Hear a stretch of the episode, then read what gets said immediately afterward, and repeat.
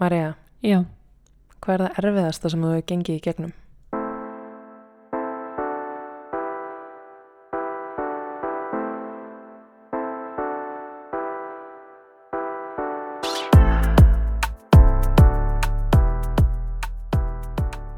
ok, ég viðurkenni ég pínu svona ekki stressuð en svona jú, ég pínu stressuð Já, ég held að það sé alveg eðlilegt verið þetta uh, viðfangsefni. Þetta er eitthvað sem við höfum alveg svona talað um hvort við eigum að fara inn á mm -hmm. en við erum kannski pínu tvístegandi með og það er kannski ágætt hérna strax í byrjun að setja bara smá trigger warning á Já. þennan þátt. ég held að það sé ágætt, við ætlum samt ekkert að fara út í neinar held ég grófar lýsingar á einu eða neinu en við ætlum allavega að ræða alls konar mál sem að getu snert einhverja á viðkoman hátt en ég vona samt að fólk tristi sér til að hlusta Já, þessi þáttur og svona umfjöllunarefni hans eru áföll. mm uh, og okkur langar svolítið að taka fyrir áföll úr æsku og hvernig áföll hafa mótað okkur -hmm. og viltu kannski byrja að þið segja mér af hverju þú ert búin að vera stressu fyrir þessum þætti Já, sko ef við erum að pæla aðeins í raunveruleikanum og því sem þessi þáttur er helgaður sem er í raunveru bara mannleg reynsla og, og það að vera manneskja þá held ég að séu mjög fáir sem komast einhvern veginn í gegnum lífið sjálft án þess að upplifa einhvers konar þrautir hvort sem að það eru persónulegar eða aðstæður sem fólk lendir í. Uh, áföll geta auðvitað verið af ýmsum toga og já, heldur er það ekki rétt metið hjá mér að, að ég held að það sé ekki til marga mannesku sem fara áfalla lusti gegnum lífið? Nei, ég held að það sé 100% rétt mat hjá þér. En ástæða fyrir okkur ég er kannski búin að vera pínu stressuð er að ég hef alveg verið mjög opinn í gegnum tíðina um mín áföll og svona mína reynslu og aldrei verið kannski feimin að tala um það og ég er ekkert endilega feimin núna það er meira bara það að þetta hefur kannski svolítið verið læst ofan í smá svona farókurs hólfi einhver staðar, þetta er aðna ennþá. Uh, senstu kannski árin kannski svona, hvað hefur að segja fjögur árin. Fjögur, fimm árin kannski. Já, og eitthvað svona sem ég hef svolítið leift mér að aðskilja mig frá. Mm. sem var gott og er mikilvægt en, en á sama tíma þá hefur mér svolítið fundist að ef ég fyrir að tala aftur um áfællu mín að þá sé ég ekki komin ég blant í bataferlinu og ég vil meina Mm. sem er nátt- náttúrulega bara kjánaskapur af því að auðvitað er ég komin ég blant í bataferlinu þó svo ég ræði hlutina Einmitt. og þetta er kannski líka svona svolítið þú veist þessi tilfinning um að uh, vilja aðgreina sig frá reynslunni en svo er það líka ákveðin kjánaskapur af því að það er ekki svo ég hafi bara klætt mig úr sjálfur mér og, Mhm. og farið í einhvers konar hamskipti þú veist ég er ennþá bara ég og hérna ég eru þetta bara samansapn reynslunar sem ég hef orðið fyrir og Mhm. við vorum svolítið að ræða það um, að ég og þú erum mjög ólíkar svolítið svona hérna, salt og pipar. Við höfum oft grínast með það að hérna, ég verið endur svona ljósærð og þú svona dökkarð og, og hérna Bakgrunnurinn okkar náttúrulega 100% já, ólíkur. Já og, og talandum áföll þá einhvern veginn um, hefur mitt líf verið mjög svona samofið alls konar áföllum. Mm. á meðan að, að þitt líf, ég ætla ekki að segja að það hafi verið smooth sailing alla leið, En en svona, svona, samt miðað við kannski ekstrím útgáfin á mínu lífi. Já ég meina að- æskan okkar var mjög ólík. Uh, Ég er alveg upp í mjög svona vernduðu umhverfi þar sem að heimili mitt var alltaf mjög mikið safe space mm -hmm. Fóreldrar mínir heldur mjög vel utan um mig sem barn og heimili alltaf bara tipp-topp og ég á yndislega fóreldra sem að pössuðu vel upp á allt uh, er reyndar alveg búin að snerta á því í fyrir þáttum að svona í skólanum átti ég stundum alveg pínu erfitt Mhm. uppdráttar en heimil mitt var alltaf 100% og æska mín per se, þú veist, bara í fjölskyldunni og allt þetta, ég hef bara góðar minningar, þú veist, ég hef uh, ég gekk ekki gegnum áföll í minni æsku. Mhm. og meðan þín æska er allt öðruvísi.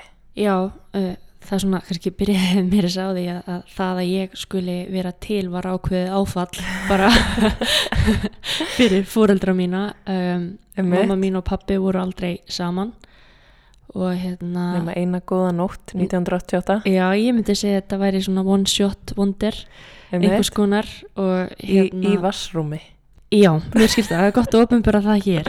Uh, en hérna já, mamma mín var 19 ára þegar að hún átti mig 18 ára þegar hún verður ólétt. Og hérna, já, þannig að kannski byrjar áfallasagan svolítið þar að hún var komin um mitt einhverja fimm mánu á leið þegar hún vissi að ég væri aðna einhver, einhvers konar laumufarþegi mættur. Mm Ég var greinilega bara staður á henni að mæta í þennan heim og reyna einhvern veginn að setja mitt mark á það. En hérna, mjög fegin á að gerði það by the way. Já, takk mamma og pappi fyrir að hafa hérna tekið þessa ákvörðun um miðjanótt eftir einhvern dansleik á Ísafyrði ég er mjög þakklátt fyrir það. Um, nú er mamma bótið með geðugan kjánarhóll en það er svona. Og pappiðin örgulega enn meiri. Já, en þetta er raunveruleikin þetta er svona, hérna, já. Veist þú hvernig þú varst til? uh, já, mjög plönuð Já, sem er einmitt bara auðvitað, auðvitað það endur speklar þetta aftur hérna munin á okkur í æsku. Uh, mamma og pappi voru búin að gera margar tilraunir. Ok, mjög óþægild segja þetta nefndar en ég var mjög planað bann. Uh, og kom ekki óvart og kom inn í mjög svona uh, mikið heimileg svona tilbúið fyrir barn Einmitt, já. Uh, það er enn og aftur eitthvað sem er ólíkt með okkur tveimur. En uh, í grunninn þá held ég einhvern veginn að, að, hérna, að það eru allir að reyna að gera sitt besta og, hérna, og mamma mín var alveg ein af þeim, alveg klárlega. En, en hún átti sjálf bara mikla áfallasögu Mm. Úr sinni æsku og við höfum oft pælt í hvað er svona áhugavert að skoða áfallasöguna lengra aftur og hvernig hún getur einhvern veginn svona ekki erfst en auðvitað svona leiðist á milli Mhm. ætliða Mhm. og hérna og maður auðvitað hérna mótast af reynslu foreldra sinna líka algjörlega og hérna ég er uh, eins og áður hefur komið fram líka alveg upp á flatteri og þegar ég er sex ára þá fellur þar stjúflóð sem að ég held að flestir á okkar aldrei hafa að minnst okkur stið hýrt um uh, eða ég vil muna eftir. Og mjög mannskætt snjóflóð. Já, það er svona kannski áfall nummið tvö. Og eftir fæðingunni á þá. eftir fæðingunni. Nei, en, en ok, ég ætla ekki að telja upp en, en svona, þú veist, það er eitthvað svona sem að mótaði líka hérna, mjög mína æsku. Og ég man þegar ég áttaði mig á því að, að mamma mín til dæmis var bara 24 ára þegar að það gerist. Uh, af því að í mínum minningum þá voru fóreldrar mínir bara fullorðið fólk á þessum tíma. Mm. og ég er í fyrsta bekk í grunnskóla og ég man alveg furðulega mikið.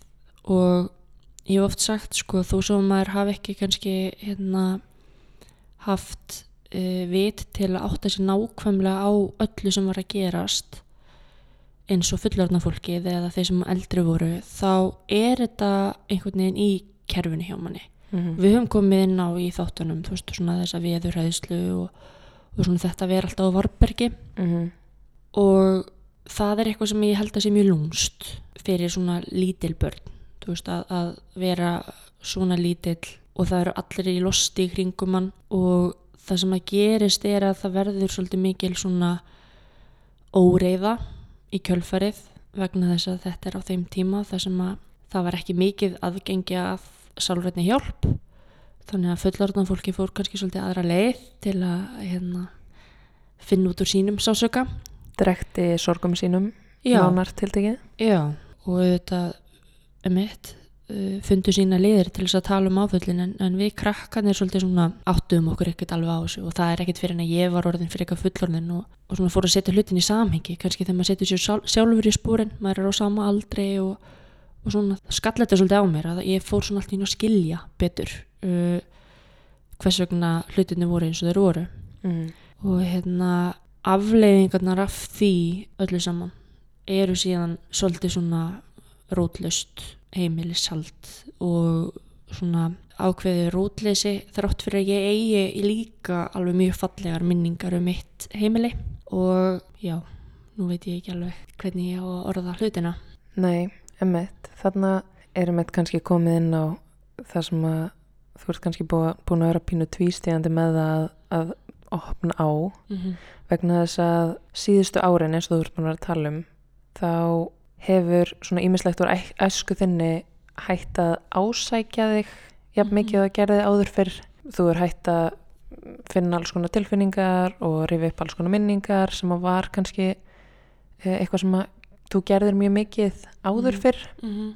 þannig að þetta er kannski svolítið sár sem er búið að gróa en nú erum við aðeins að fara að svona pikka í það Já, og reyna svona aðeins að hérna opna það sem að eru þetta pínu flókið kannski mm, já, kannski smá flókið en líka uh, svona ég veit ekki alveg af því okkur langar að ræða áföll og okkur langar að ræða raunveruleikan en okkur langar líka að ræða svona björtu punktana mm. og ég hef oft velt fyrir mér um, þú veist, ef ég stæði í dag bara frammi fyrir því að uh, velja hvort ég geti bara þurkað út öll áföll sem að ég hef orðið fyrir og bara það hefði ekki gerst ég oft pælt í, þú veist, myndi maður velja það mm. af því að, að þrátt fyrir að hlutirnir hafi verið sárir og erfiðir og stundum þannig að, að maður vissi ekki beint kannski hvort maður myndi reynilega bara lifa það af að þá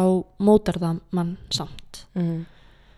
og ég er ekkert svo viss um að ég væri svo manneski sem ég er í dag sem ég er bara nokkuð sátt við. Ég er mjög sátt við ef ég hefði ekki farið í gegnum þetta en að því sögðu þá þá fór ég í gegnum sársöka sem ég óska yngum að fara í Mm. gegnum. Og, og hann er sá að, að þegar að ég er 12 ára þá hérna lendi ég því að stjúpappi minn sem að hafiði verið pappi minn allæfi, ég er búin að minnast að það pappi minn og mamma voru aldrei saman en mamma mín byrjar sem sagt með stjúpamma mínum þegar að ég er þryggjára og hann hafiði bara gengið mér í föðustað bara alveg. Og ég átti í mínum huga engan annan pappa. Blóðfæði minn sem er vinnu minn í dag ég kynnist honum ekkert almennilega fyrir en ég er að verða 14 ára. Og já, þetta var stjúpappi minn en samt bara pappi minn þú veist og ég vil alveg gera greina minn á því þú veist ég leita aldrei á hann sem stjúpappa mm.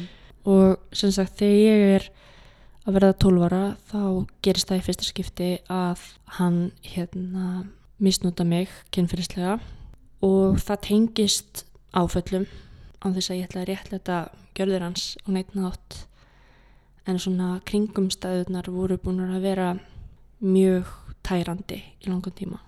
Og mörg áföll sem koma í röð í minni fjölskyldu sem gera verkum að, að hérna, fóreldra mínu missa svolítið sjónur af því hvaða er að eiga fjölskyldu og vera ábyrgið fóreldrar og ég er að segja þetta allt upp átt með þetta um það að þú veist, ég get verið kærð fyrir það sem ég segi en ég nafngrinni ekki neitt samt.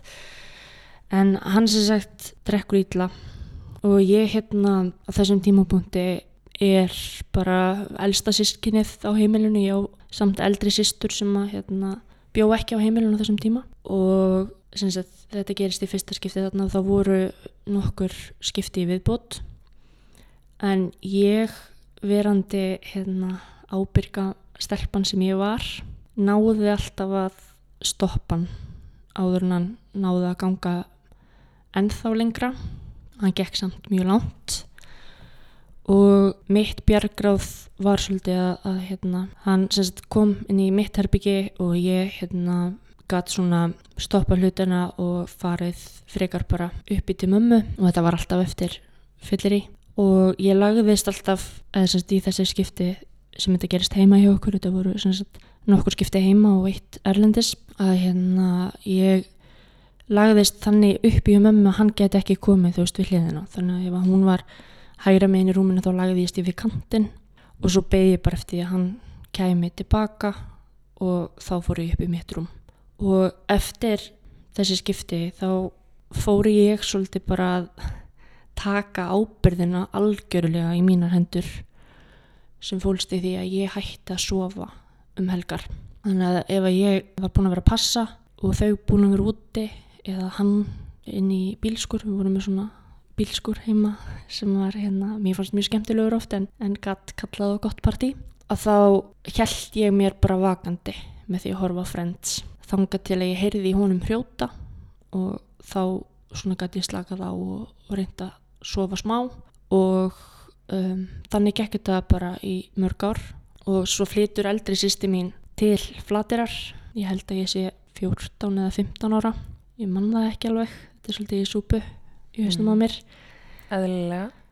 En hún flytur heim og þá sagt, býr hún í þessum partibílskur og þá get ég svolítið bara ég gist uppi á henni bara alveg samflitt á meðan hún bjó heima. Og það var bara ég að verja sjálfa mig frá því að, að, hérna, að þetta geti gerst aftur. Og svo líður tíminn og ég fer í MR og er hérna búið með fyrsta ára mitt þar þegar að fóröldrar mínir flytja aftur heim, þau höfðu flutt til Afríku í, í tvö ár og flutti þegar ég var í tíundu bekk og, og hérna voru að koma tilbaka þarna.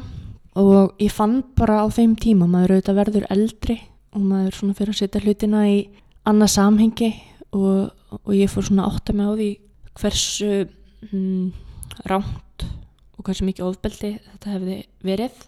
Og hversu mikið ég ætlaði einhvern veginn alltaf að passa upp og hann geti ekki gert þessi mistök aftur. Þú veist að, að hérna, einhvern veginn hafa vit fyrir honum með því að koma í veg fyrir þetta allt saman sjálf. Mm. um, ég veit ekkert hversu oft þetta hefði gerst annars eða, eða, eða hvað. En já og ég er sem sagt búin að vera í MR í eitt ár og þá kemur það upp og þau ætla að flytja heim og þá fann ég bara einhvern veginn ég gat ekki ég gat ekki meir.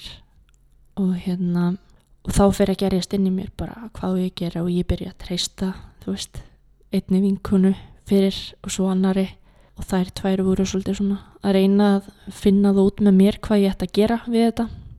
Og svo bara hérna líður haustið og ég hérna fer að upplifa bara rosalegt þunglindi og, og kvíða yfir þessu öllu saman og, og ákveða að flytja heim á flateri aftur til þess að reyna að tækla hann ég ætlaði ekkert að vera lengi, ég ætlaði bara að vera eina önn og svona bjarga málunum einhvern veginn í hausnum á mér og fekk Mhm. frí í MR og komst inn í MI og um haustið þá sagt gerist það að hann hérna kemur þar sem ég bý á í Vesturbænum og er mjög drukkinn, hafði verið á djaminu og hann kemur inn og, og fer að segja alls konar hluti um fjölskylduna mína, um mömmu mína og, og hvað hann hefði átt bátt og fleira. Og ég man að hann segir eitthvað á þá leið að, að það hefði allir verið svo vondir við hann. Og ég man að ég var búin að vera að tala um þetta rosa mikið með vinkunum mínar bara hvernig ég geti einhvern veginn opnað á þetta samtal. Og ég finn einhvern svona kraft þar sem ég segi við hann en þú, hefur þú alltaf verið góður við alla? Það segi eitthvað svona í það óttuna og hann segi bara hvað meinaru og hérna ég segi bara þú veist hvað ég meina. Og ég horfi bara beint í augun á honum. Og þá brotnaði hann bara alveg niður.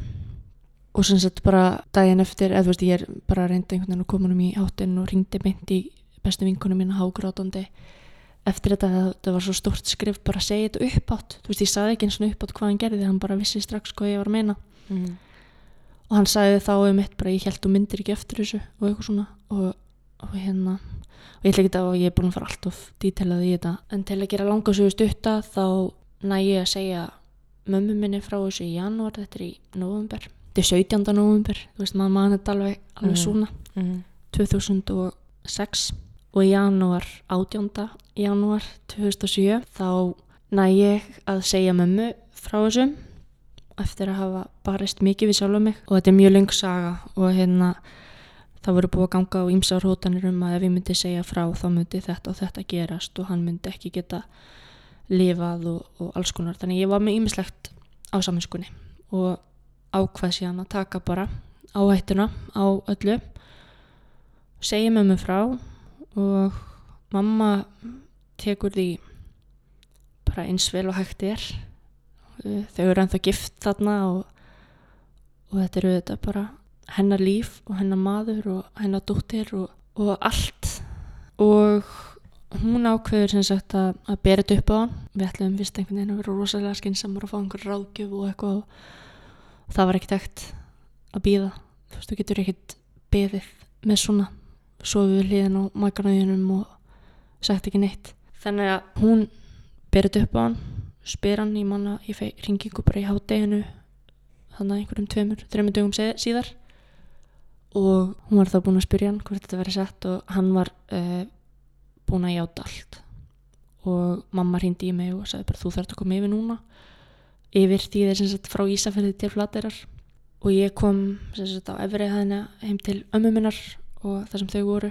Og þetta var bara, þetta er svona, þú veist, með áföll og með svona aðstæður að þetta er eitthvað sem þú getur aldrei glemt og ég held kannski í smástund þarna að það væri einhvern veginn hægt bara að finna leiðir út úr þessu.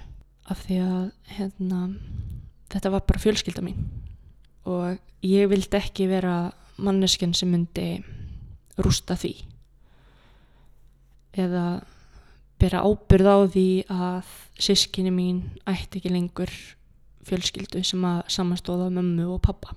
Og þarna einhvern veginn þú veist, eru hlutinir í svona bara ljósmynda minni, þú veist, þetta er bara svona skref fyrir skref og þess vegna kannski segi ég líka frá þessu svona því að þetta er þetta er svona einhvern veginn hlekkur einn hlekkur sem að teku við af öðrum einhvern veginn og sem sagt ég bara held á tímapunkti þarna að þetta þyrti ekki breyta öll mm. og ég held að það hafi kannski líka bara svolítið verið það sem að maður vonaði einst inni að þetta þyrti ekki að þýða eitthvað meira en þetta var. Og þetta var það líka eftir að ekki mjög mikil svona innföldun á aðstæðum. En þú verandi auðvitað líka bara mjög ung og bann þegar þetta gerist. Mm. Veist, þannig að það er mjög eðlilegt að þú sjáir þetta með bannslegum augum Já, um, algjörlega en hérna en þarna er ég mitt orðin 2017 ára og svona farin að fatta þetta allt saman betur.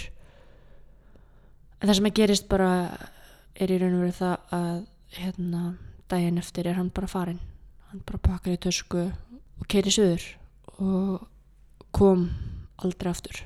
Og það sem að ég held einhvern veginn að hafi að mörguleiti verið erfiðast í þessu eru alls konar flækjur sem að snúast að síðan bara fjölskyldinu sem er eftir mm. um, um mitt tvö yngri sískinni mamma mín auðvitað í, í ákveðnu áfalli sjálf yfir þessu öllu saman við förum bara svolítið í, í algjört rúst og vissum ekkert alveg hvernig við getum verið fjölskylda áfram Mm. og líka þetta bara ekki bara áfall fyrir mömmuðin á þessum tímapunkti líka þetta áfall fyrir þig eins og þú hefur líst að já, hann var gerandin þinn en hann var líka pappiðinn já, þannig að þetta eru mjög flóknar auðvitað tilfinningar. Já og, og pappi minn sem ég ædóliseraði líka. Mm -hmm. um, við vorum mjög góði vinnir og gerðum ótrúlega mikið saman.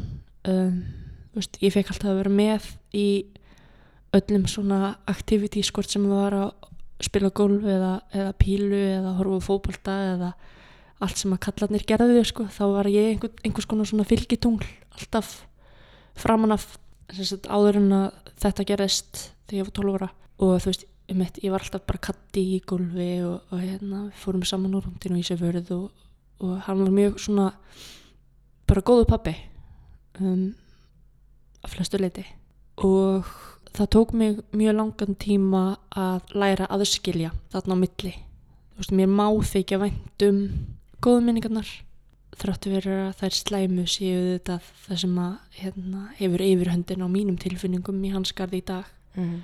og það sem einhvern veginn ég hef svona í setni tíð verið svona að reyna að skilja betur kakvart sjálfur mér líka er hversu mikið áfall það er í raun og veru að vera bann sem að elskar bara fóreldra sína skilrislust og ég held að flestir upplifi svona einhvers konar mikla virðingu fyrir fóreldrum sínum.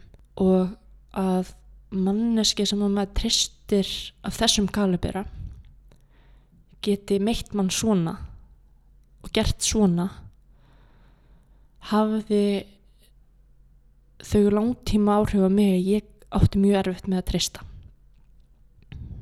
og hleypa fólki að mér elska að finna fyrir jákvæðum tilfinningum. Við höfum farið gegnum þetta áður. Um, mm. ég fór alltaf beint inn í það að skemma fyrir ef að hlutirnir voru orðnir góðir eða eða hérna á leiðin í einhver átt sem að meikaði sens að þá var ég fljóta slökva af því að hérna ef einhver sem að maður elskar svona mikið getur meitt mann og beitt mann ofbeldi og brotið allar væntingar og allt traust af hverju ætti maður þá að hleypa öðru fólkin. Og Þetta er eitthvað sem við höfum okkur á milli rætt svolítið. mm -hmm. og díla við Já, vegna þess að uh, þú reyndir alveg að íta mér í burtu til að byrja með. tókst ekki neitt Nei, ég er þrjóskar en þú. En já, þú, þú reyndir alveg að sabotasa smá, þú veist, mm -hmm. að því að það er auðveldara heldur en að horfast í augu við að einhver getur elska þig og einhver getur sýndi traust. Mm Þú veist, það er ekki, það er ekki allir sem að munu meiða þig -hmm. eða sem elska þig. En þetta eru bara svo flóknar tilfinningar sem að liggja hann að baki og einmitt eins og segir að þegar maður er bann og lítur á fóreldra sína þá eru það svona manns helstu fyrirmyndir í lífinu. Það er fólki sem að maður elskar mest af öllu í lífinu og treystir mest af öllu í lífinu. Þannig að það er mjög skiljanlegt að þarna verði eitthvað róf þegar að manneskjan sem þú elskar og treystir og dáir mest í lífinu getur brotið allt það traust með svona hryllingi. Já, og uh, þetta var svona svolítið eitthvað sem við þurftum alveg að fara í gegnum þegar við vorum að byrja saman og þá voru ennþá mjög miklu leifar af þessu mm -hmm. í þér og þínu kerfi Mm -hmm. uh, sem að þér hefur tekist núna síðustu ár bara að vinna alveg ótrúlega vel uh, með og bara vinna þig út úr að ákveðinu leiti Já, og það var svolítið svona þegar að, að ég var beðin um að taka þátt í að skipa líka druslugönguna og var titluð sem talskona hennar að þá tók ég ákverðun um að fara bara alla leið í aktivismann gagvart þessum málaflokki og var talskona þar í þrjú ár, er það ekki? Jú Jú, að þrjú skipti mm og það gaf mér bara allt -hmm. af því ég fattaði þá að mm, ég þagði yfir ofbeldinu í sex ár og ég veit ekki hversu oft ég ætlaði að segja og hversu oft ég var alveg að bugast og hversu oft ég myndi ég hugsa að ég get ekki bara haldið áfram að vaka. Ég get ekki haldið áfram að byrja þessa ábyrð veist, ég get ekki haldið áfram að, að þegja yfir þessu. Og þegar ég fór í druslugönguna þá fattaði ég einhvern veginn að ég ætti mína rödd og ég má tala um það sem kom fyrir mig. Mm. ég er alltaf með ótrúlega mikið samanskupið þegar ég tala um þetta. Mm. Af því að þetta er auðvitað ekki eitthvað sem varðar bara mig. Um, þetta varðar allt fólki mitt og þarna eru mjög, mjög, mjög flóknar tilfinningar líka á milli okkar og víðar. En með druslugöngunni þá einhvern veginn ákveði ég bara heyrðu, ég ætla bara að fá að eiga mína sögu og ég ætla að tala um hana og ég ætla að nota hana í því að skyni að vera óhrætt og ef það getur hjálpað einni mannesku að segja frá og sjá að það er í lægi að segja frá og maður getur fengið hjálp. Að þá er það þess virði. Og það var svolítið svona mantra mín til að byrja með þegar ég var svona að opna á þetta.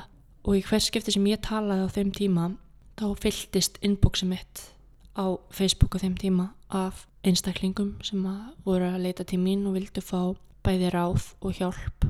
Og sumi vildu bara fá að segja mér frá og aðri vildu fá bara ímiskunar ráðleikingar og þetta gaf mér ótrúlega mikið. Að geta einhvern veginn notað ógeðslega reynslu á jákvæðan hátt var mjög bara valdeblandi og það var mjög mikilvægt fyrir mig á þeim tíma. Mm. Sérstaklega þetta eftir að þú ert á þessum tímupunkti búin að fara í gegnum það þú segir hann frá ferð svo til stígamóta ferð til sálfræðings og þar sem að þú varst undir lögaldri þá auðvitað bar sálfræðingi skilda til þess að tilkynna um þetta Mhm. og ríkið fer í mál gegn Mhm. þessum einstaklingi það er Mhm. ekki þú sjálf sem að Nei. velur það það er bara uh, bara er- kerfið tók við já, kerfið tekur við, fer í mál Mhm.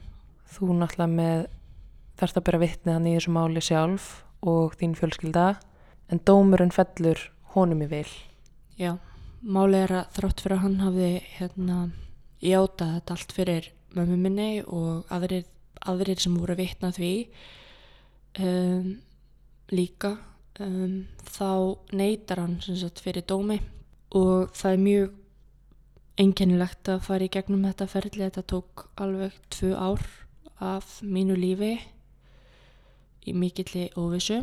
En af því að hann var síknaður og hann neytar fyrir dómi og þannig að hann hérna kemst upp bara með það þrátt fyrir hérna hann er í raun og veru tví og þrísaga í öllum sínum málflutningi og, og það er alls konar hluti sem standast bara enga veginn og var auðvelt að hefði verið auðvelt að færa sönnur á ef ég hefði séð það fyrr. En maður sér ekki neinn gögn þegar maður er ekki aðilu máls. Veist, í kynferðisbrótamálum þá er þólandin í raun og veru bara vitni. Mm. brotavettvangurinn er samt líka með manns þannig að það er mjög sérkennilegt. Mm. en ég var mjög reið alveg lengi yfir því hvernig það fór allt saman. En á sama tíma vildi ég ekkit endilega að hann færi í fangelsi. Þú veist þetta var pappi minn. Ég vildi ekkit endilega refsonum þannig. Eina sem ég vildi bara var að réttlætin er náð að hann myndi viðurkenna hvað hann gerði. Og hann var auðvitað búin að viðurkenna það fyrir mömmu og hann var búin að viðurkenna það fyrir mér sem að þetta skipti mig máli í hjartanu veist, ég, ég á þær minningar og það fyrir ekki neitt jafnvel þó hann reyna að neyta fyrir hlutinni í dag. En já, þannig að, að það fór eins og það fór. En ég einhvern veginn hef svolítið bara haldið í þau orð sem koma í dóminum og þar stendur bara orðrétt ekkert brýtur í bága við mál, málflutning Maríurutar uh, hún þótti sannsögul og trúverðug fyrir rétti nema neitun ákjærða sem þýðir í raun og veru bara við, við heyrum í þér og við sjáum þig en, en það er engin sönnunagögn eins og eru oft í þessum málum. Þetta er orð á móti orði. Og þá bara kikka inn svona þessar grundvallar reglur réttaríkisins um að það sé betra að hafa einhverja seka menn lausa en að hafa saklausan mann inni í fangilsi eða dæmdan og það er ekki einu svona endilega það að neittnhaldi að það- þarna sé saklaus maður sem að væri að fara í fangelsi heldur einfallega vegna þess að sönnunabyrðin er svo erfið eins og þú ert að lýsa. Já. og hafandi farið í gegnum bíanám í lögfræði hafandi lesið þennan dóm þá er þetta samt mjög sérstök niðurstaða að því að það ert ekki bara þú sem ert að segja þetta heldur var hann búin að játa líka fyrir mömmuðinni uh, þannig að þessi niðurstaða er mjög einkennileg en þannig er einmitt kemur að því sem við höfum stundum rætt um og því sem hefur auðvitað verið í líka samfélagslegri umræðu umræðu innan lögfræðingastjættarinnar hvort að það væri reynilega skinsamlegra að þólandi í kynferðisbrotamálum væri með hlutaðild að máli Mm af því þá hefði ég geta lesið skýsluna strax og bent strax á ákveðna vannkanta í hans uh, málflutningi mm. Sem bara stóðust enga veginn skoðun og ég hefði geta fært sönnur á það. En þegar ég fæ sem sagt þegar að dómurinn er fallin þá fær maður bara svona fekk ég loksins aðganga að öllum gögnunum og þá er bara orðið of seint. Þú veist þá er bara búið að- að síkna Mm. en hann var ákærður sem að er ákveðið svona, þetta er svolítið lögfræðilegt en, en það er sem sagt um, það er sem sagt málið er rannsakað og því stýr annarkvort ákveðið hvort, það- hvort það sé gefin út ákæra eða málið látið falla niður. Og það er algengast í þessum málaflokki að mál séu látið falla niður á því stýi Mm. en hann er ákærður þannig að hann er leittur fyrir dóm. Og það var líka svona ákveðin grundvöldu fyrir mig til að segja hei, hérna, þú veist ég er að segja satt. En það sem hefur tekið mest á mig er þetta að þurfa endalust að réttlæta það að ég er að segja satt. Ég er ekki lígari. Mm. Ég hef ekkert gaman af því að, að tala um þetta eða þetta sé mín reynsla, ég hafði yngra hagsmun að gæta. Þú veist, þetta var fjölskylda mín. Mínir hagsmunir voru fólkunir í því að hún væri áfram fjölskylda mín. En þetta fór svona og um, í druslegöngunni þá eiginlega náði ég að umbreyta svarta köklinum sem var fastur inn í mér í einhvers konar byrtu einhvers konar leið út og það var mjög dýrmætt uh, en ég fann líka að það tók mjög á. Mm. og sérstaklega gagvart fólki sem að fannst einhvern veginn eins og að, því að hann var síknað þá væri ég að segja ósatt. Það er eiginlega það sem er erfiðast við þetta. Og þannig mitt varstu búin að lenda í því að einhverju vinir hans jável voru búin að vera að koma upp að þér og saka þig um að ljúa mm -hmm. uh, fólk jável í kringu þig var búið að taka þá afstöðu að þú værir að ljúa Mm -hmm. eitthvað sem að ég held að margir þólendur kynferðisofbildis tengi við og hafi þurft að upplega líka að vegna þess að dómur fellur svona eða bara vegna þess að það er ekki ákært Mm eða jável vegna þess að viðkomandi bara fer ekki í mál. Einmitt, að þá sé viðkomandi ekki segja satt.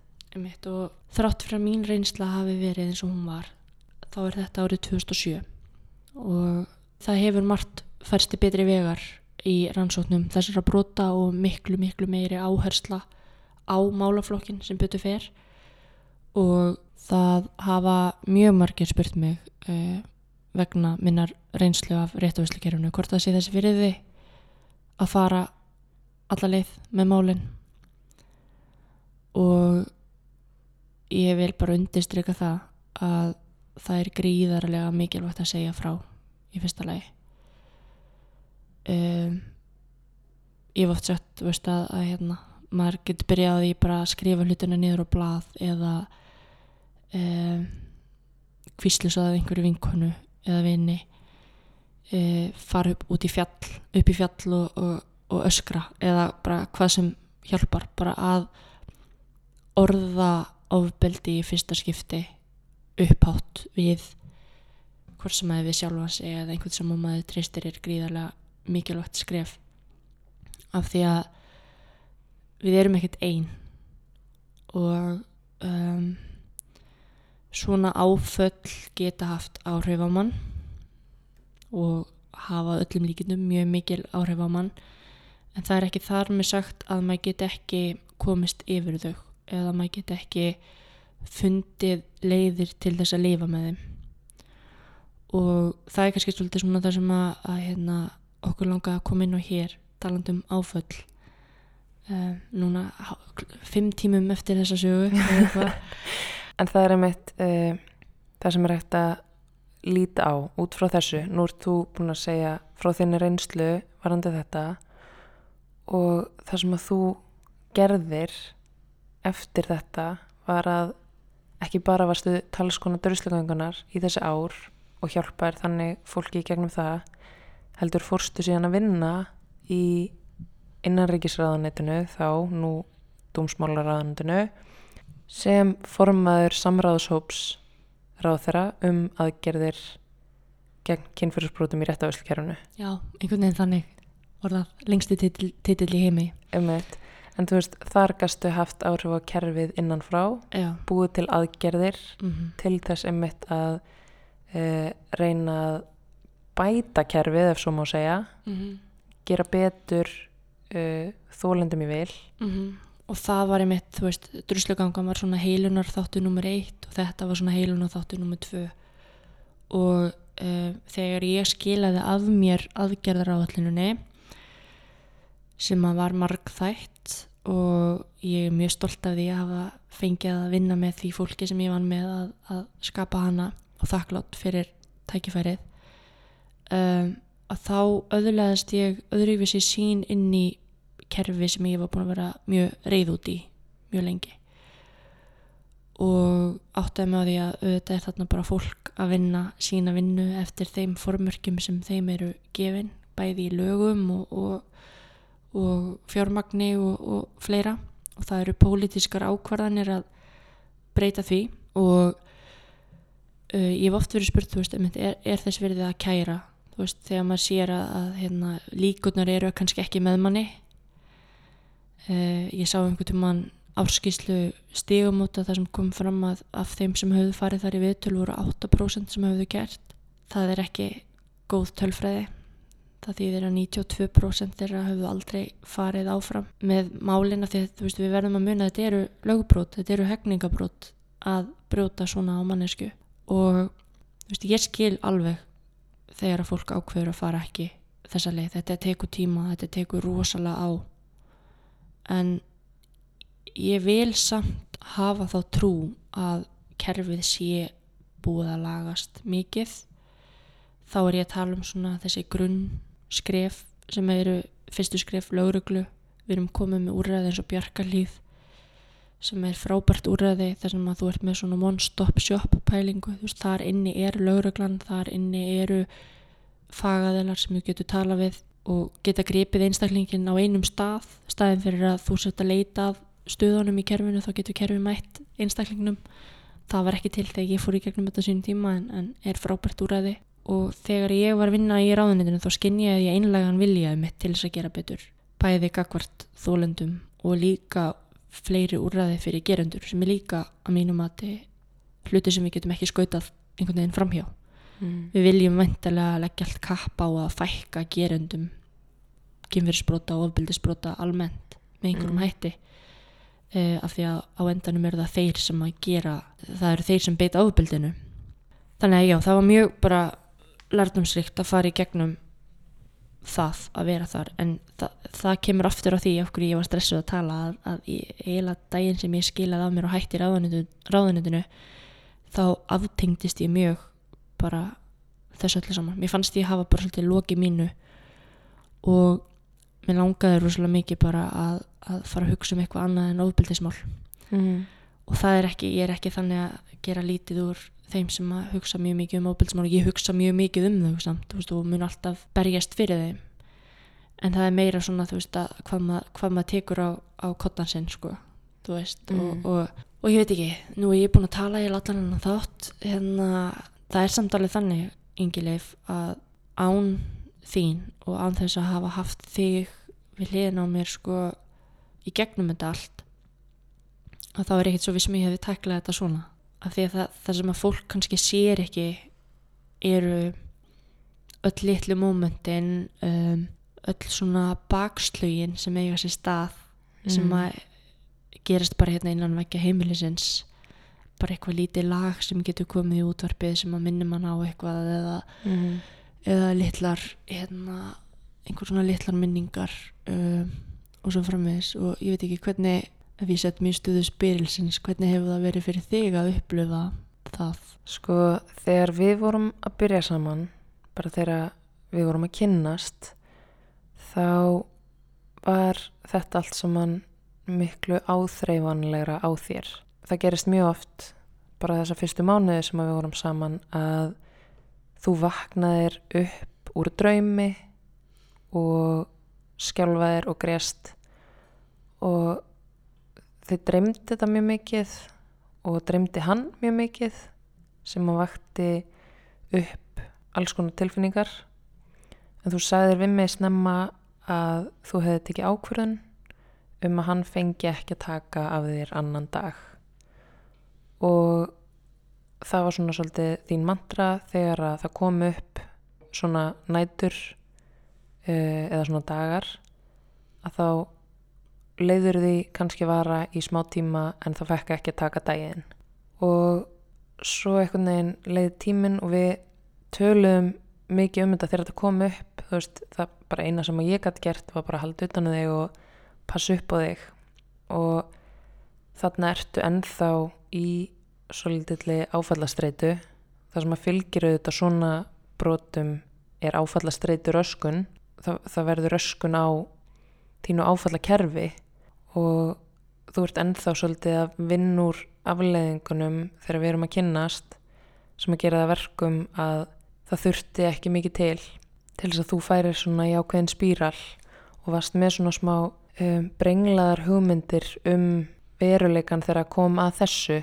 Helst kannski að það myndi eitthvað hræðilegt gerast uh, að þínu lífi er þið ógnað og svo framvegis sem að var kannski ekki veruleikin þó svo að það væri veruleikin í þínum huga og það svona vakti upp mjög sterkar tilfinningar hjá þér að í hvert sinn sem þú talar eitthvað tíman um þetta ofinberlega þá helstu að þú verið komin í lífsættu og ég er komin aftur þanga núna sko. Já, ég ætla bara að vera hreinskilu með það. Ég er bara mjög svona ég er að upplifa það núna í fyrsta skipti lengi að kannski eftir ég er ekki búin að tala um þetta lengi að ég er alveg bara okkur með góður hvað ef að ég lendi bara í vandræðum að því ég er að tala um þetta mm og ég sé það alveg á þér ég sé hluti á þér núna sem ég hef ekki séð að því að þú ert búin að vinna þig á hvern hátt út úr þessu þú er ekki lent í því í mjög langan tíma núna að það komi nótta sem að þú vaknar upp skjálfandi eða grátandi mm.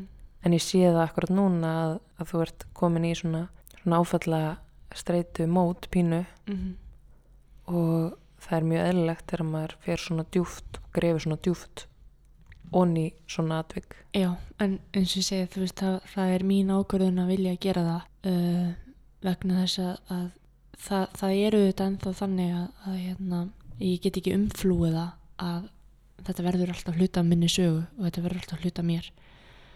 Og það eiga svo margir sína sögu það núti mm. allt of margir og ef að þú veist einmitt það að við getum talað um þennan raunveruleika hér og einhver að núti er að hlusta sem að geti þurft að heyra einmitt það að það er til líf eftir ofbeldi þú veist og, og, og það er svo mikilvægt að tala um hlutin af því að þögnin er besti vinur gerandans. Þögnin er það sem að leifir ofbeldinu að grassera.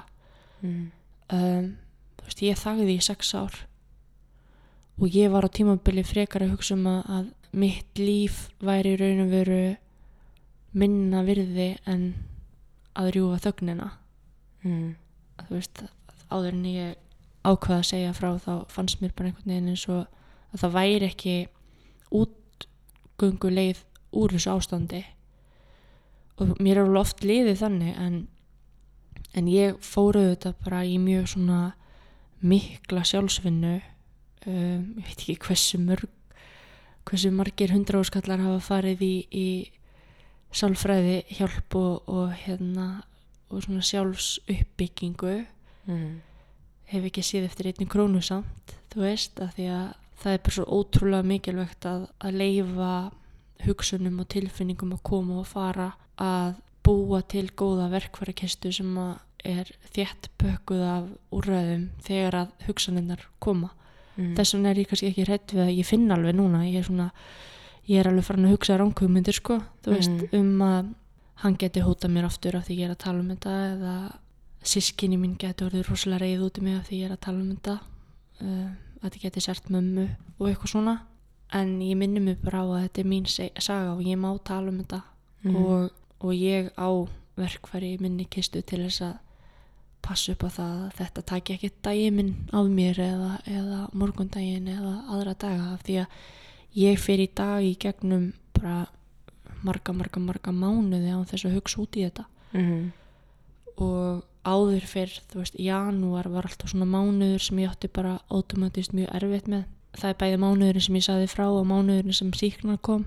Og ég kveið alltaf rosalega mikið fyrir ákveðnum dagsetningum mm, kveið fyrir því að, að bara um mitt takast á í janúar og skrifaði mig svolítið út úr því þú veist, í einhverju hvað fimm ár Mm. alltaf í janúar þá postaði ég svona nú er ég eins ás, nú er ég, nei nú er ég fimm ára nú er ég sex ára og eitthvað svona þú veist þá voru það árin frá því ég sagði frá en janúar kom og fór bara á þessu ári og senast ári og þar síðast ári án þess að ég hugsaði einu svona út í eitt eða neitt Mm.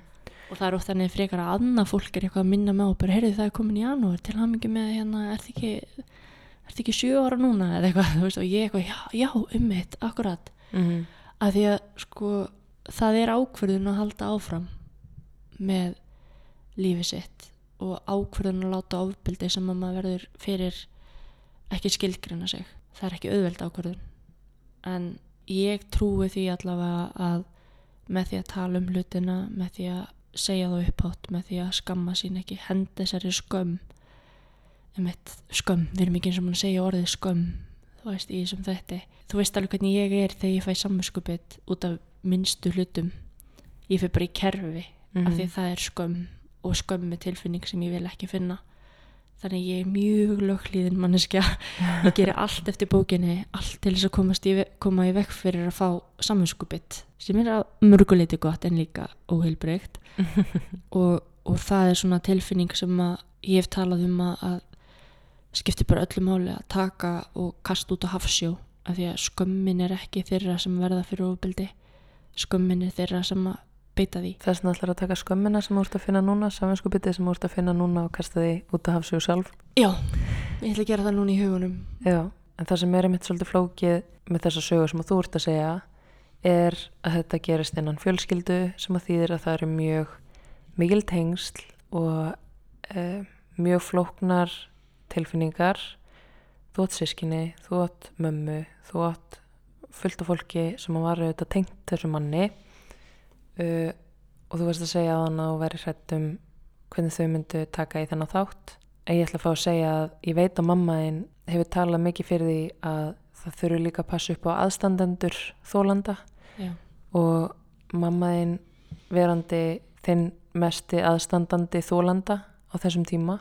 Uh, manneskja sem var gift þessu manni uh, en tók frá fyrstu sekundu afstöðu með þér gegn honum hún hefur oft talað um það að það þurfi einhvern vettvang fyrir þessa aðstandendur vegna þess að þetta er mjög flókið að því að síðan þurfti hún líka að standa frammi fyrir því að eiga börn sem að skildi ekki hvert pappi þeirra fór. Og eiga einhvern veginn fjölskyldu og vini og, og þurfa að vera í þeirri stöðu að þurfa einhvern veginn að tala fyrir hann einhverju máli sem að hann að langa ekkert að gera. Og þið hafið þetta farið fjölskyldan í gegnum þetta allt saman hafið þurft að fara í gegnum fjölskyldur ágjöf þar sem að hlutir eru sagðir því það er mjög erfitt fyrir þig að vera að bera ábyrð á einhverju sem að þú berði ekki ábyrð á gagvart fjölskylduðinni eða fólki sem var tengt ykkur báðum.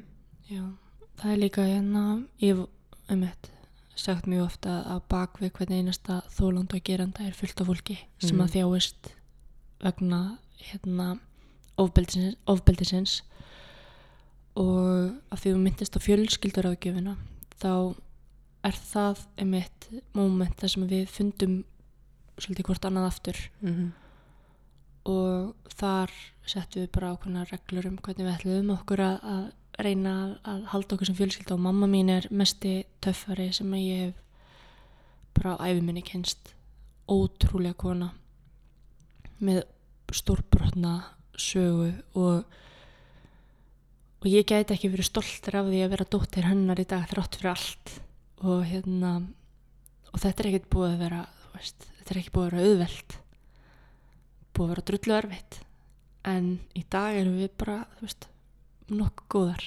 Mm. en þetta með ábyrðina veist, ég stóð svolítið eftir sem manneskjan sem fólk gætt verið einhvern veginn lítið á sem veist, það er mér að kenna að hann fór. Mm. þú veist, ég hef alveg þurft að díla við það sjálf. Veist, þetta var pappi minn. Og þessi, þetta samviskupið sem ég hef einhvern veginn þurft að geima með það að eða svona eins og ég þurfa að svara fyrir hans gjörðir. Mm. eina sem ég gerði var að segja frá því sem hann gerði.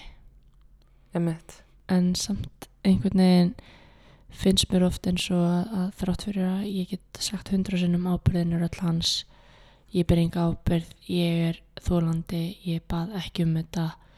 Guð mig góður hvað ég hefði óskað þess að þetta hefði ekki gerst. Þá samt einhvern veginn er ábyrðin samt alltaf smá hjá mér Þá hjá öðru fólki, annað fólk setur ábyrðina já en líka inn í mér sko.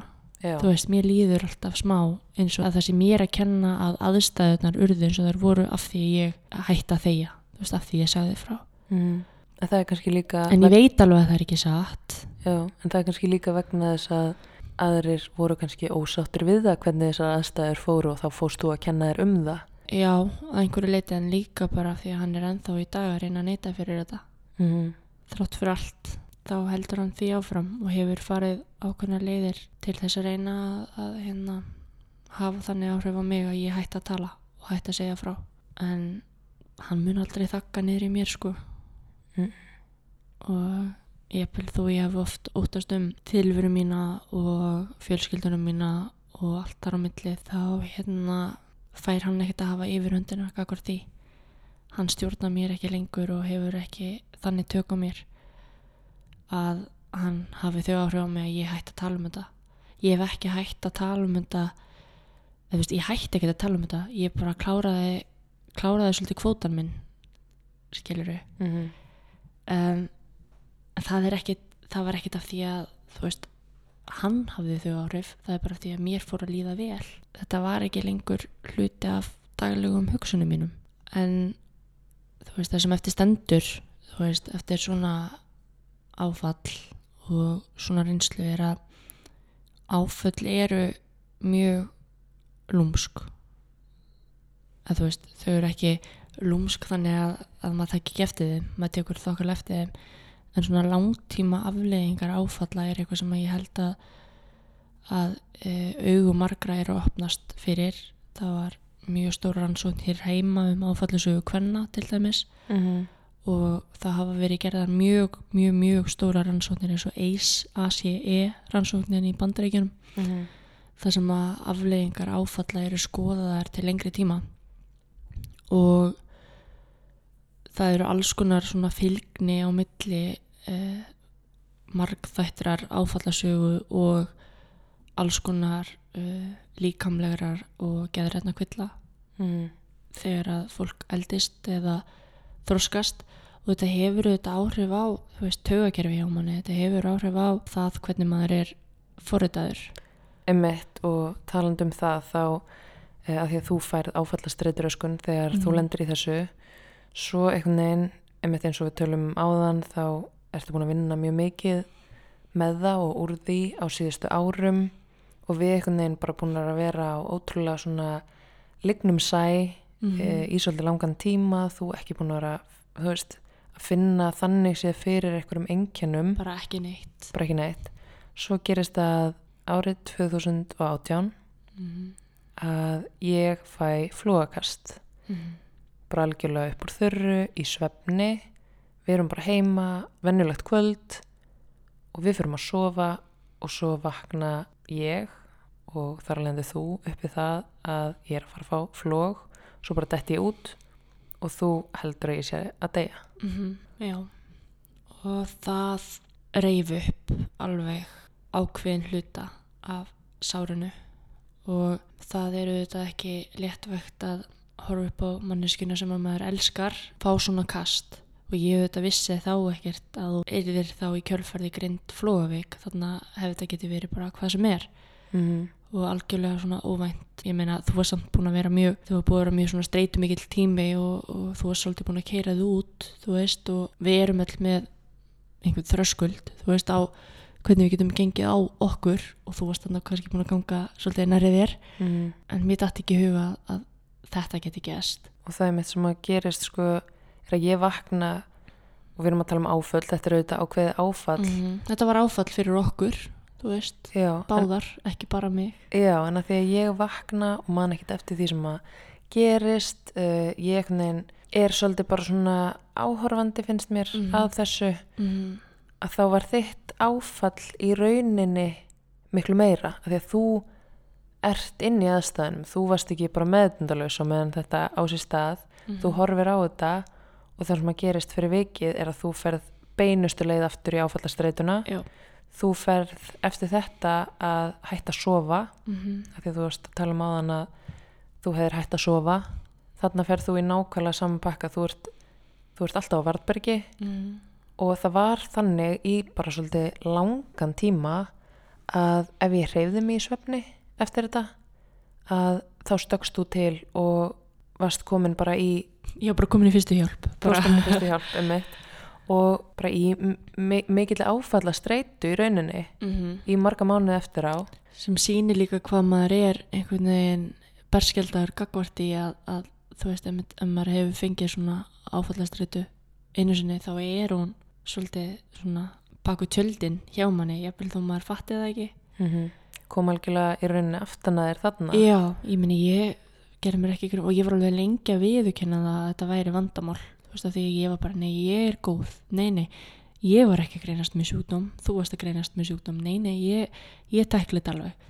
Og svo var bara þannig að mómenta sem þetta var bara að fara að verða svolítið ekstrím og ég var komin aftur inn í drömfarir og aftur inn í bara svona ákveðin spíral sem að ég hringdi bara í sálfræðingi minn og mm -hmm.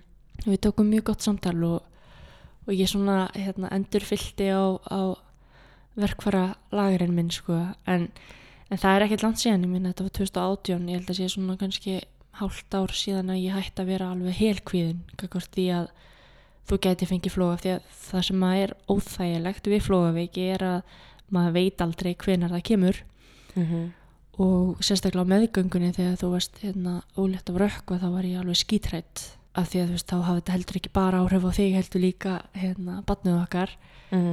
En það gekk allt vel og hérna Og frá því ég byrja á flóavíkilegum hef ég ekki fengið svona stórt flóg eins og ég fekk þarna. nei þú hefur fengið mjög mjög mjög oft svona fyrirbóða og alls konar flögt sem að hefur svona ruggla svolítið í, í kerfinu hjá mér Mhm. en þetta er alltaf koma ég er, ég, ég er að vinna í þessu og, og kannski stóri svona það sem við viljum þetta er náttúrulega búið að vera mjög kannski þungt efni en á sama tíma þá held ég ég get ekki, ég get ekki orðið raunverulegri en ég hef búin að vera akkurat núna ég er alveg að hleypa alls konar okkunnum fólki inn að einstakjarna Mhm. og ég er ekki að gera það af því að, af því að mér finnst ég að skilið einhverja aðtegli eða eitthvað annað fyrir það heldur bara af því að ég vona að, að fólk sjáu og skilji að það skiptir máli að tala um þessu hluti Mhm. og við, við förum ekki gegnum lífið án þess að takast á við hluti við förum ekki gegnum lífið án þess að lenda í áföllum og vonbreyðum og lífsreynslum sem að móta mann Mhm. og það er svo mikilvægt að líta á reynsluna sem einhvers konar vegferð og en, en þú veist við erum samt við stýrið sko og við getum ákveðið hvað beigur við tökum Mhm. og ég veit alveg fyrir mitt leiti að það eru margar beigur sem að ég tók á sínum tíma sem að voru góðar og aðrar slæmar. En þær færðu mig samt hingað. Þú veist ég, ég bara gæti ekki verið sáttur við mín hlutskipti í dag. Ég kann að elska og ég kann að taka á móti ást. Ég kann að gefa og ég kann ekki alveg nógu vel að taka á móti gjöfum en það er að koma. Og ég hérna ég reynt að beisla þessa vondu orku í eitthvað gott og nýtsamlegt og eitthvað sem maður getur hjálpað Mhm.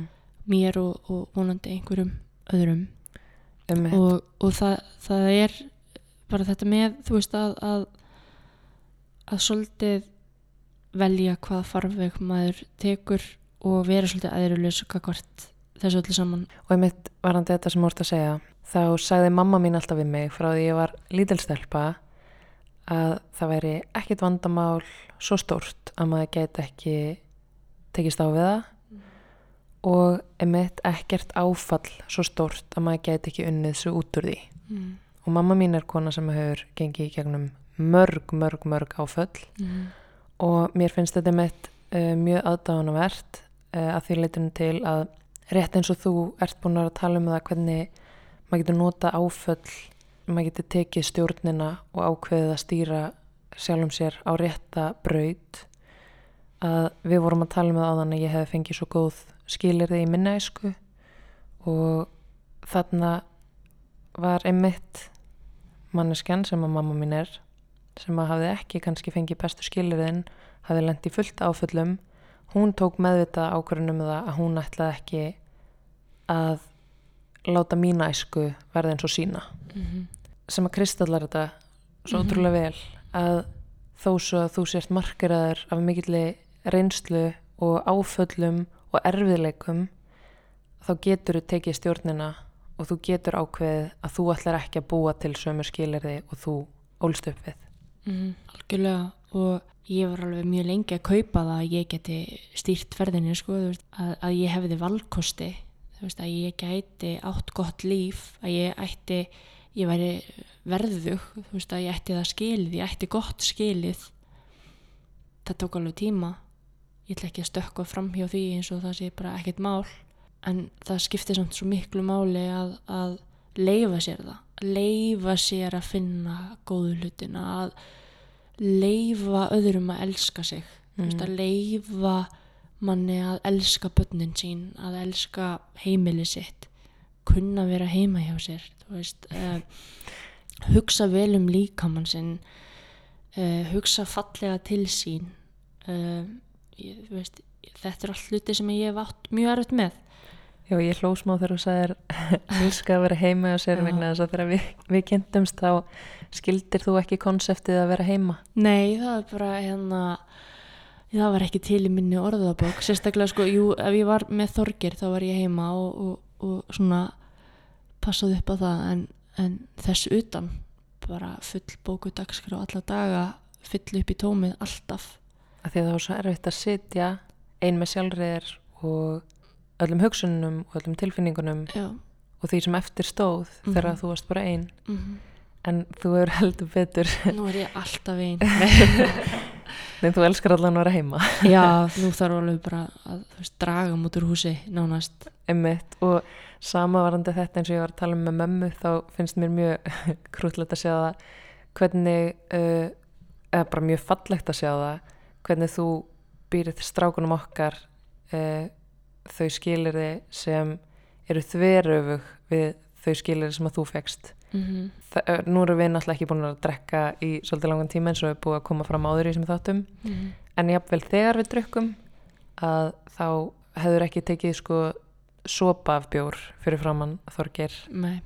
og það er svona emitt það sem að fólk upplifir vondanhátt í æsku oft í þeim bara algjörlega í hináttina mm -hmm. það er auðvitað ekki algjörlega, það getur líka auðvitað geta áföll triggerað alls konar og auðvitað geta þau ítt undir geðsjúkdóma, þau geta ítt undir fíknihegðun og það eru mjög mikil tengsl oftar á milli sem er eðlilegt. Mm. og það hefði þú veist það hefði ekkit verið skrítið ef þú hefðir fetað alltaf aðra braut en þú gerðir. Nei og, og ég veit að það er að hluta til af því að ég er í fyrsta leið bara mjög áhættu fælin manneska og ég hef alltaf verið. Aldrei verið mikill svona ofurhugi en, en á sama tíma það hefur alltaf verið innbyggð svona einhver skynnsamis rött hjá mér og ég man bara þú veist þegar ég var lítil og hefði alveg geta fetað alls konar brautir sem að hérna voru alveg í bóði en ég valdi alltaf, alltaf ég reyndi allavega alltaf að velja svona skinsamari leiðina. En það var kannski ekki alltaf meðvitað sko. En það er kannski líka það eru kannski tengsl þar á milli að þú varst að miklu leiti líka alveg upp af langumöðinni og ömmuðinni sem við langar að gefa verðugt sjátt á tína í þessum þætti. Já, þeim bara alltaf þakka. Og hérna þær voru svona ákveðið dúó og þar var mitt skjól og minn greiðastadur og þar fekk ég mitt að vera miðaldra badni sem ég var sem að við lístum hvað ég fyrsta þetta Já, að, hérna, að bara svona að fá að spreita mig á, á, á örygginu sko. Mm. og, og amma mín hérna, hún heitir Jóhanna og er indisleg hún passaði alltaf upp á að ég stundaði nám og ég lærði fyrir próf og ég myndi læra að vinda tusku og allt þetta. Setja rúmin setja rúmfötin á sinn stað og allt þetta. Og ég skildi það ekkert alltaf þá þegar ég var lítil og stundum fannst mér þetta bara leiðilegar kröfur en í dag er þetta bara eitt af bestu vegarnestum sem ég hef fengið inn í mm. lífið Ég er mjög þakklátt fyrir ömmuðina eh, Þú fara að eiga smá ömmu með mér. Já, ég hérna á ekki ömmu. Mínar ömmur eru látnar. En þegar við byrjuðum saman þá saður við mig að þér finnist algjörlega ótækt að ég ætti ekki ömmu mm.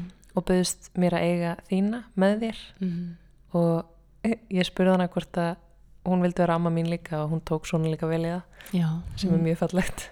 Hún er alveg einstökkuna og hérna og um mitt, það er oft þannig ma maður hefur oft hýrt af svona um mitt sérstaklega börnum sem maður búa við kannski hérna kannski ekki bestu skiljar það er oft þau börn sem eiga samt eitthvað skjóla annars það, hvort sem það er einmitt heima hjá vinum eða hvort það séu svona foreldrar vina sem hlúa svolítið að þeim eða, eða ömur eða afar eða bæði eða hvernig sem er. Mm -hmm.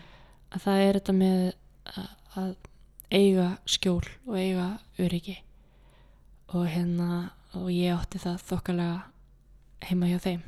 Ömmunum mínum tveim, ömmu og ömmu langumu eins og Mhm. ég kallaði kallaði, mér fannst alltaf svo skrítið þegar að, að hérna, annað fólk kallaði ekki langumu sína ömmu langumu ég held einhvern veginn að það væri bara eitthvað sem allir gerðu. En hérna En mér finnst mjög fallegt hvernig hérna núna erum við búin að fara aðeins í gegnum þetta allt saman og erum búin að nefna í gegnum þáttinn allar þessar konur. Mér finnst svo Mhm. fallegt einhvern veginn hvað þetta eru svona sterkar hvern fyrirmyndir sem við eigum báðar já, og hvað þær hafa markerað líf okkar og verið mikilvægar fyrirmyndir fyrir okkur. og ég vil undirstryka það að hérna, þrótt fyrir að ég sé ofta tala um vond skilir því æsku og svona að þá er mamma mín algjör sigurvegari sjálf í dag og allt sem gekk á er fyrirgefið og ég hef fengið bara mjög góða einsýn og skilning inn í af hverju hlutinu voru eins og þú voru Mm bara það svo það, svo það sé tekið, tekið skýrt fram sko. Já, líka bara vegna þess að við eigum öll okkar sögu. Já. Og það er hérna það sem að líka okkur langaði kannski aðeins að koma inn á, þú veist, við höfum öll gengið í gegnum eitthvað mm -hmm. og við förum ekki gegnum lífið án þess að lenda í einhverju og foreldrar okkar hafa lend í einhverju. og Sys- fóröldra þeirra Já, og foreldrar þeirra, vinir okkar hafa lend í einhverju, fólk sem við þekkjum ekki neitt, óvinir okkar, það er svona, það hafa allir lend í einhverju mm -hmm. við erum öll margeruð af því sem við lendum í og það mótar okkur í þá manneski sem við erum mm. en ef að við reynum að nota það til góðs ef við re- reynum að nota það sem við höfum gengið í gegnum bæði það góða og það slæma þó svo það sé ógeðslega erfitt það er oft, það er oft mjög erfitt að reyna að horfa okkur neikvæðan hlut og hugsa ekki bara af hverju þurfti ég að lendi í þessu áfalli af hverju ekki bara einhver annar hvers vegna er þetta lífsreynsla sem ég þurfti að gangi í gegnum? Og það er held ég, þú veist, eitthvað sem er bara mjög eðlilegt að sæki á fólk. En ef að maður getur einhvern veginn reynd að beisla það og hugsa freka bara að þetta er verkefni sem ég ætla að tækla. Þetta er eitthvað sem að verður ekki auðvelt að tækla. Þetta er eitthvað sem að mun þurfa tíma og vinnu og þetta er eitthvað sem að, sem að fer ekki. Þetta er partur af því hver maður er. Og þá ekki bara við um svona áföll, þá líka bara við um það að greinast með sjúkdóm Mm. eða það að ykkur í kringum hann degi eða verði veikur eða hvað það er Mhm. þetta er allt áföll Mm. og mér langar að grípa inn í þarna þegar ég er að horfa á þig og, og við fórum í gegnum eitt svona áfall saman þegar þú greindist með þinn sjúkdóm fyrir tveimur árum og þú með þínum viðbröðum kendi mér svo ótrúlega margt um hvernig maður getur tæklað áskoranir af því að á engum tímapunkti list þetta buga þig eða stoppa þig í einu en einu það var meira við hinn sem vorum einhvern veginn svolítið svona ringluð og, og hrætt og, og kvíðinn og, og bara einhvern veginn dramatísk með þetta. En þú varst alltaf að segja, herðu, Marja veist, þetta er ekki það versta sem gæti komið fyrir mig. Mm. þú veist, þetta er bara búið að hæja á okkur þetta er búið að gefa okkur tækifæri til að endur skoða gildin okkar endur skoða hvað það er sem skiptir okkur máli. Þú veist, við hættum að drekka tókum út svona óþarfa pizzakaup um helgar fyrir vikið og hérna og tókum ákvörðunum það að búa til bad tókum ákvörðin um það að stækka fjölskyldun okkar uh, og þar af leiðandi hérna, keftu við stærra heimili og erum búin að reyðira um okkur og, og setja okkar líf og okkar fjölskyldi í forgang. Áður en þú veiktist þá vorum við miklu meira svona karriéroriented en við erum í dag. Mm. Þú veist, í dag er, er það bara fjölskylda nummer 1, 2, 3 og heilsan. Mm. og þetta stafar alltaf því að þú stóðst upp strax og sagðir, herðu Marja, þetta hefði geta verið miklu vera já, ég er með sjúkdóm sem ég mun aldrei losna við. Og já, ég þarf að taka lif svona þegar þú mannst eftir það er að segja. Talandi um það, ég er alltaf eins og klukka eitt mun taka lifið ín umræð típa en hérna en allavega, þú veist að, að, að það er ákverðin, sko þú veist, þú Mhm. hefðir alveg geta sagt, herðu ég er að greinast með sjúkdóm og ég ætla bara að hætta að dreyma um hluti eða hætt að gera hluti af því að þetta gæti komið fyrir eða Mhm. þú veist, einhvern veginn látið það látið söguna, þú hefði getað látið söguna vera allt aðra Mhm. og, og þú stýrði því, ekki ég ég Mhm. var hérna típan sem var bara fannst þetta bara umulagt og var bara pínu reið yfir því að þetta verið að gerast en í dag þá um mitt aftur, ég veit ekki hvort ég myndi breyta því sko, af því að Nei. þetta er búið að færa okkur hluti sem við værum ábygglega ekkert búin að svona forgangsraða, þú veist annars Nei, einmitt, ég hef alveg litið á þetta og líka bara hérna aftur, þú veist, þetta er ekki það versta sem maður hefði geta gerst. Til að byrja með var mér sagt að ég gæti hugsanlega verið með heilaæksli sem að gæti verið að tryggara þetta. Og mér fannst það bara mikið léttir að vera með flógaveiki frekar en heilaæksli og ég veit ekki hvo- hvort að viðbröð mín hefði verið eins ef ég hefði verið að greinast með einhvern annan sjúkdóm. En ég held það samt vegna þess að ég reyni eins og ég get að lifa lífinu mínu þannig að ef ég myndi deyja á morgun þá væri ég samt ánægð og ég væri sátt við allt sem ég hef gert og væri búin að leggja mitt að mörgum til þess að gera þennan heim örlíti betri en ég hef alveg litið á þetta sem bara ákveðna gjöf. Mér fannst lífið alveg vera að kippa mér niður á jörðina. Ég var búin að keira mig gjörsamlega út og hefði mjög auðveldlega geta lent í börnáti á þessum tímumpunkti og það var læknir sem að fór bara eiginlega að hlæja mér og sagði við mig það er astnalegt að lenda í börnáti þegar maður er 25 ára Pa- þú veist hættu þessu. Nú er líka meðin að segja stopp og þú skal hlusta. Og mér fannst þetta bara mjög mikil gjöf af því að ég hafði ekki verið með nein mörg á uh, Þú sagði já við öllu. ég sagði já við öllu og ég fór allt of mikið ólinn í allt sem ég gerði. Ég tók á mig miklu meiri ábyrð á hlutum sem ég var að gera heldur en ég hefði átt að gera. Uh, og þarna fannst mér lífið vera að pikja öxlun á mér og segja hættu þessu, settu sjálfa þig í forgang settu fjölskylduna þína í forgang passaðu upp á sjálfa þig, passaðu upp á mörkiðin og fyrir vikið sagði ég bara takk líf. Þetta var hérna ágætis áminning og nú ætlum ég að fara eftir því sem að þú ert að segja mér. Og þetta gerði þetta verkum að þú veist, ég þarf alveg að passa upp á veist, ég má ekkert vaka fram eftir öllu alltaf og veist, þarf svolítið bara að lifa svolítið svona heilsusamlegra lífi. Lifa eins og A-manneskja ef þó ég sé það alls ekki. Nei, við erum hérna þvingaðar B-manneskjur yfir í A-mannesku lífstíl. En ég held bara að sé fyrir mann sjálf og ég held líka að þetta sé eitthvað sem að uh, gerist oft bara svona automatist þegar að fólk greinist með sjúkdóma ég hefði kannski ekkit fyrirfram hugsa bara ef ég er að fara að greinast með sjúkdóm mun ég bregðast svona við? Nei. En það kikkaði bara eitthvað svona inn bara já þú veist þetta er bara verkefni, maður takla það bara. Mm uh, og maður getur litið á öll áföll sem lærdóm og sem verkefni til þess að kenna manni hluti. Og það er ógeðslega erfitt og ég get með engu móti og mun aldrei geta sett mig í þín spór til dæmis, sett mig í spór þólanda kynferðisofbeldis sem að lendir í kynferðisofbeldi sem bann þetta er bara eitthvað sem að enginn sem ekki hefur lent í því getur skilið nokkuð tíman Nei, þó svo að ég geti tæklað eitthvað sjúkdóm og verið voða eðrulega skakar því þá get ég ekki ímynda mér hvernig það er að gangi gegnum svona lífsreynslu. Og mér finnst mjög aðdánavert hvernig þú hefur náð að snúa þessari hræðilegu lífsreynslu yfir í eitthvað sem að getur hjálpa öðrum og yfir í eitthvað sem að þú veist, er, já, alltaf partur að þér en þú notar til góðs. Mm um mitt, takk.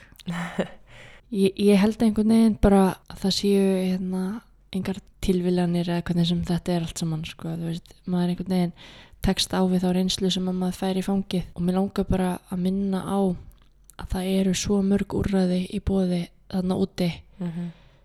hvort sem maður er að fara á heilsugjastlunar og hérna, finna sálfræðinga þar uh, finna góða sálfræðinga sem eru á engastofum stígamót, bjarkalíð, drekaslóð kvennatkvarfið karlar til ábyrðar sem heitir núna heimilisfriður, það er úræði fyrir gerendur.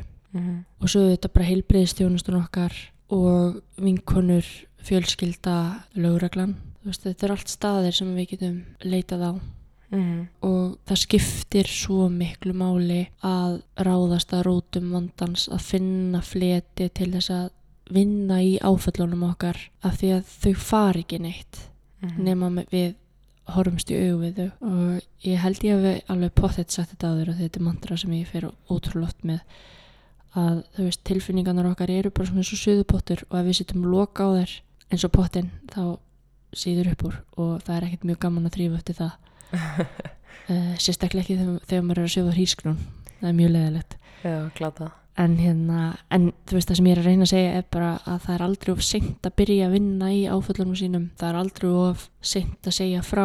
Það er aldrei of seint að horfast í augu við mistökun sín líka. Mm mm. það getur líka verið áfall, áfall fyrir mann þegar maður gerir mistök sjálfur eða bregst öðrum mann, manneskjum á einhvern nátt bara það er aldrei of seint. Og ef ég verð heppin þá langar mig að verða gumul kona með þér. Og þegar að minn æfidagur verður liðin þá langar mig að geta litið tilbaka og verið með enga eftirsjá. Mér langar ekki að vera með neitt óuppgert eða ósortirað -hmm. og það er svolítið svona mín mantra núna, þú veist, ef það kom upp áskoranir þá eru líka tækifæri. Mm ef það kom upp ágrinningar þá hefur maður valkost um að leysan eða einmitt bara sortir þetta sem annarkvört málefni eða einstakling sem skiptir ekki mála á endanum. Veist, og við höfum val um það hvernig við umgangust, umgangust fólk hverja við umgangumst og hvernig við reynum að, að setja okkar marka á samferðafólki okkar. -hmm.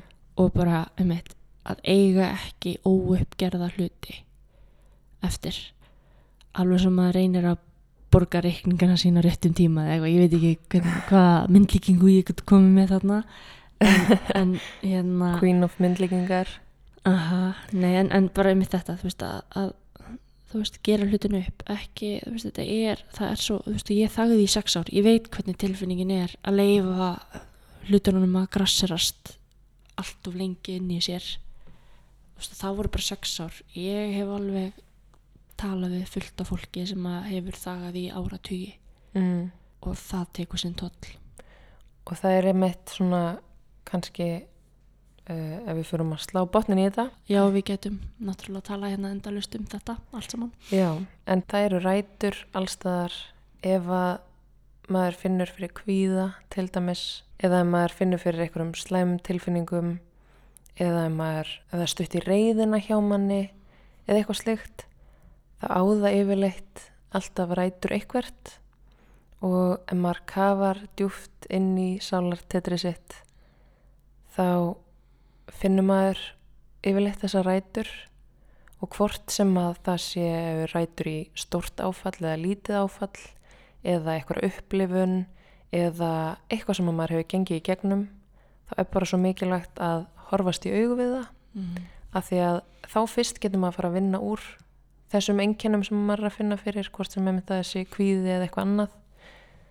Og það er hægt að fá hjálp það er hægt að líða betur það er hægt að komast í gegnum þessar erfiðu, erfiðu tilfinningar og setja góðar í staðin Mm og ef að þið finnið fyrir einhverjum svona vondum tilfinningum ef eitthvað líður illa þá eru þið ekki einn þið geti leitað einhver aðstóðar það að fara til sálfræðings er bara frábært fyrsta skref það var lengi vel mjög mikið tabú ég held að það sé að breytast í dag Já, ég mann þegar ég var að byrja hjá sálfræðingi 2007 þá bara sagði ég engum frá því. mm. Mér fannst þetta svo mikil skömm eins og maður væri einhvern veginn búin að tapa lífinu. Að þurfa bara að leita sér hjálpar, þú veist, um, síðasta sort. En í dag er bara standard að, þú veist, allan í mínu vinuhóp, ég held að séu bara flestir sem ég þekki hafa einhver tíman eða eru, hafa einhver tíman farið eða, eða eru hjá sálfræðingi. Já, vegna þess að andleg veikindi eru ekki síður mikilvæg en líkamleg veikindi Og þetta er svolítið bara eins og fara í rektina. mm uh, nema bara andlega rekt Já, sem er bara mjög mikilvægt mm. Þannig að ég held að við endum þetta bara á því að, að segja þetta þegar þið eru aldrei ein það er hægt að vinna þessu út úr áföllum og erfið leikum. Það er ógeðslega erfitt oft. Mm en það er þessi virði.